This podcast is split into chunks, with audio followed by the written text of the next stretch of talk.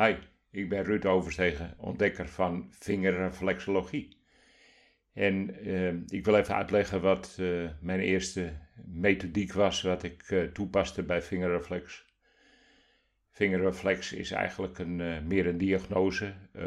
ik zie aan de vingers hoe het lichaam zich voelt. En dan ga ik met de cliënt terug naar het verleden, waar er een emotioneel proces is begonnen. Die misschien onbewust is weggestopt, of, uh, maar waar het lichaam nog steeds last van heeft. En uh, ja, in de meeste gevallen uh, zijn natuurlijk heftige dingen gebeurd.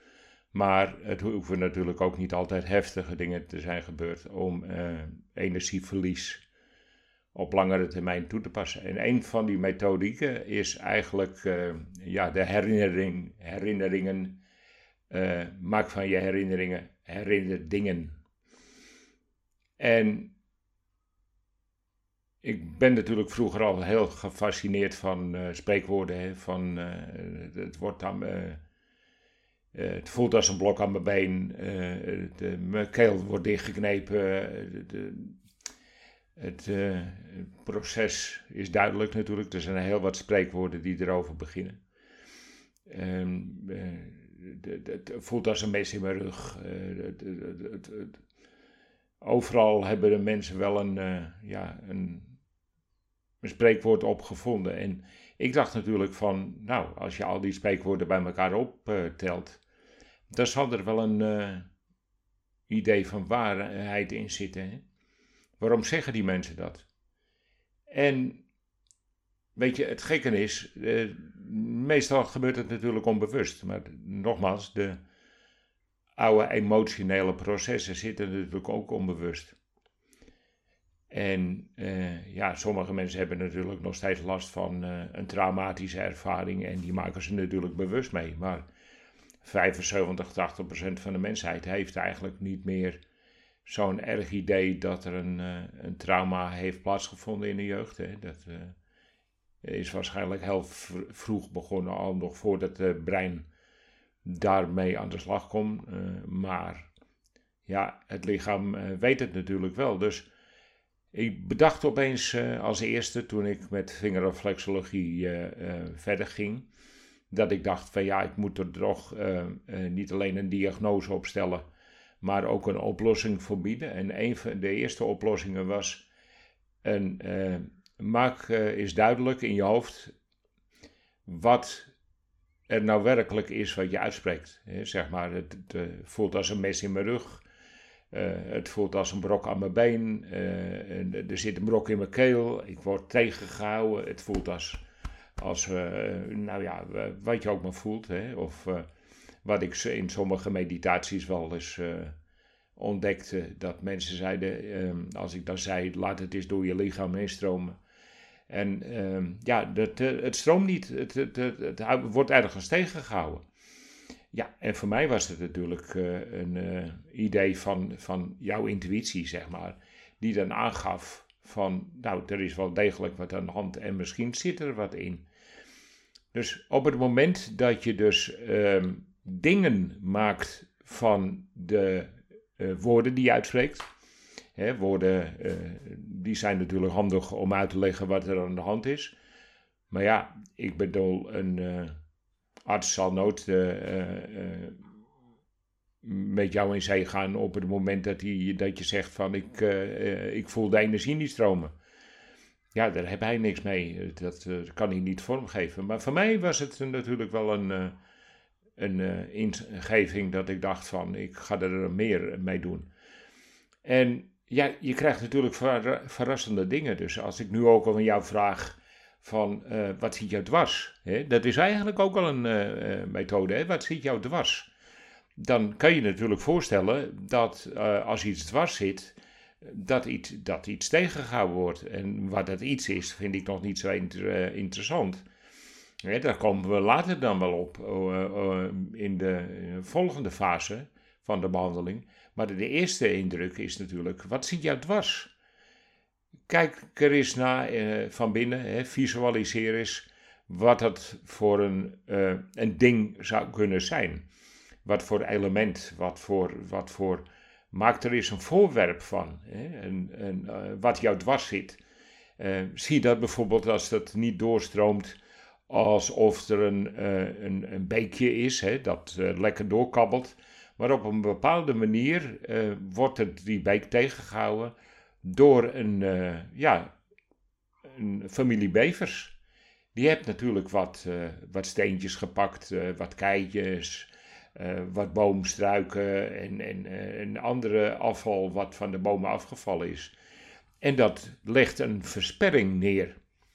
En op het moment dat jij die versperring gaat zoeken die in jouw systeem zit, dan zal je merken dat er um, ja, veel meer mogelijk is eigenlijk. Hè? Want, uh, dat is ook eigenlijk voor de toekomst. Want sommige mensen worden tegengehouden niet omdat ze een trauma hebben, maar omdat er een versperring zit in hun systeem. Hè. Ze willen wel en ze, ze willen wel bijvoorbeeld stoppen met roken, eh, stoppen met drinken, nou noem maar op welke verslaving er is. Hè. ik noem het eigenlijk geen verslaving, maar een chronisch proces. Hè. Je, je bent um, vanuit een, uh, een systeem ben je in dat chronisch proces terechtgekomen. En op het moment dat je dat chronisch proces eigenlijk een, een, een handvat geeft van ja, wat zit mijn dwars? Of wat heeft mijn dwars gezeten en wat wil ik uh, kwijt? Dus uh, op het moment dat je kan visualiseren als een soort ja, beverblokkade, zeg maar even, dan kan je dat natuurlijk makkelijker weghalen. Want dan is mijn tweede vraag natuurlijk, als je dat nou zo ziet, wat jou dwars zit, hè, zeg maar, een omgevallen boom op de weg waarom je niet verder kan ja, me, lopend kan je misschien nog wel over die boom springen. Maar als je toevallig in een uh, auto zit om er ergens snel naartoe te rijden, dan uh, kun je niet linksom, niet rechtsom. Want ja, die boom uh, die ligt over de weg. En naast de weg kan je zeker niet met de auto rijden.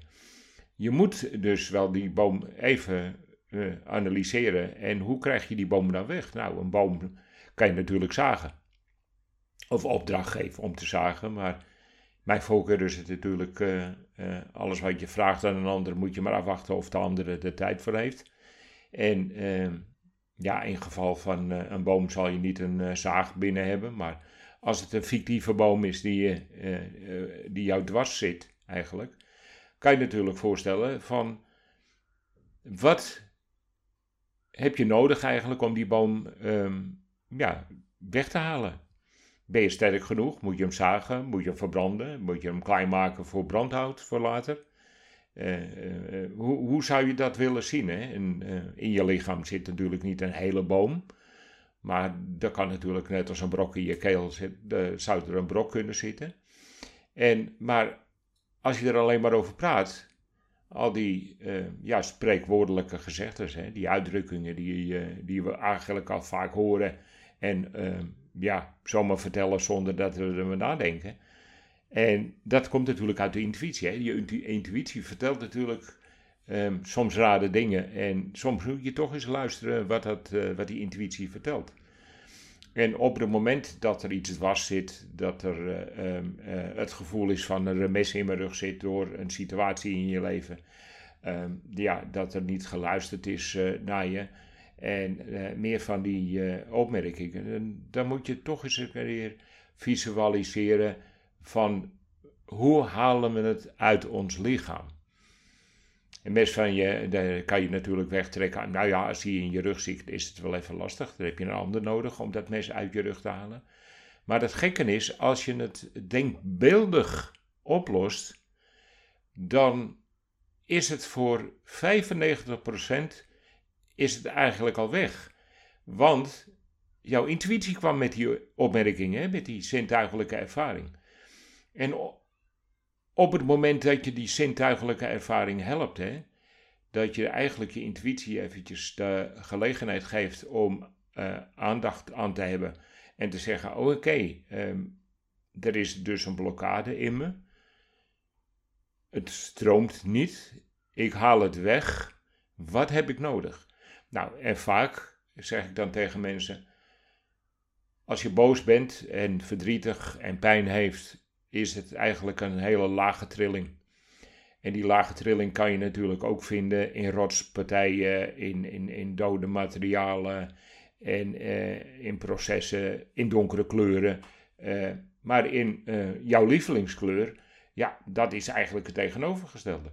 Dus vraag, vraag ik je dan vaak van, eh, zou je lievelingskleur helpen om dat uh, toe te passen?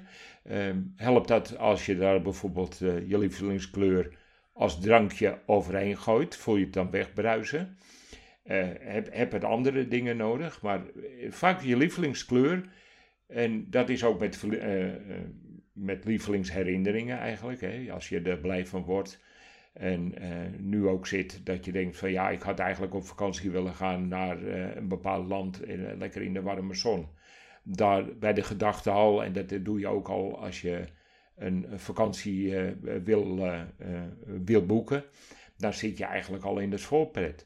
Dus op het moment dat je de voorpretgevoel toepast op dat wat dwars zit, en ja, welke zintuigelijke uh, ervaring je ook hebt. En gebruik alles. Uh, uh, schrijf eens al wat, wat van die spreekwoorden op. Ik heb een lijst van wel twintig spreekwoorden. Die duiden op het feit dat er ja, iets mis is met ons lichaam. Dat blok aan je been. Ja, als klanten daarmee komen, de, het eerste wat ik doe natuurlijk naar hun been kijken. En ik vraag dan aan welk been zit dat blok dan, links of rechts? En wat heb ik eigenlijk gemist? Ik neem het natuurlijk wel serieus, maar ik maak er natuurlijk ook een, uh, al als eerste een beetje een, uh, een, geintje over om hem niet zo, zo zwaar te laten lijken eigenlijk. Maar op het moment dat, het, uh, dat er aandacht voor is van wat mensen eigenlijk vertellen, hè, ook als mensen tegen jou wat vertellen van ja, het voelt als een blok aan mijn been of het, de, de, de, ik word tegengehouden, het voelt niet prettig dan zou je natuurlijk eens uh, kunnen, echt kunnen luisteren met het idee, maar ja, misschien heeft ze gelijk. Misschien zegt dat intuïtie je van dat er iets in dat lichaam rechtgezet moet worden. Opgepakt moet worden, opgelost moet worden. En ja, op het moment dat er de ademhaling wordt toegepast, hè, dus flink diep langzaam inademen, en ik zeg altijd vier tellen. Vier tellen en dan vasthouden, vier tellen. Vier. En dan bij de uitademing je lievelingskleur denkbeeldig sturen naar die plek wat eigenlijk dat ongemak in het lichaam aanvoelt.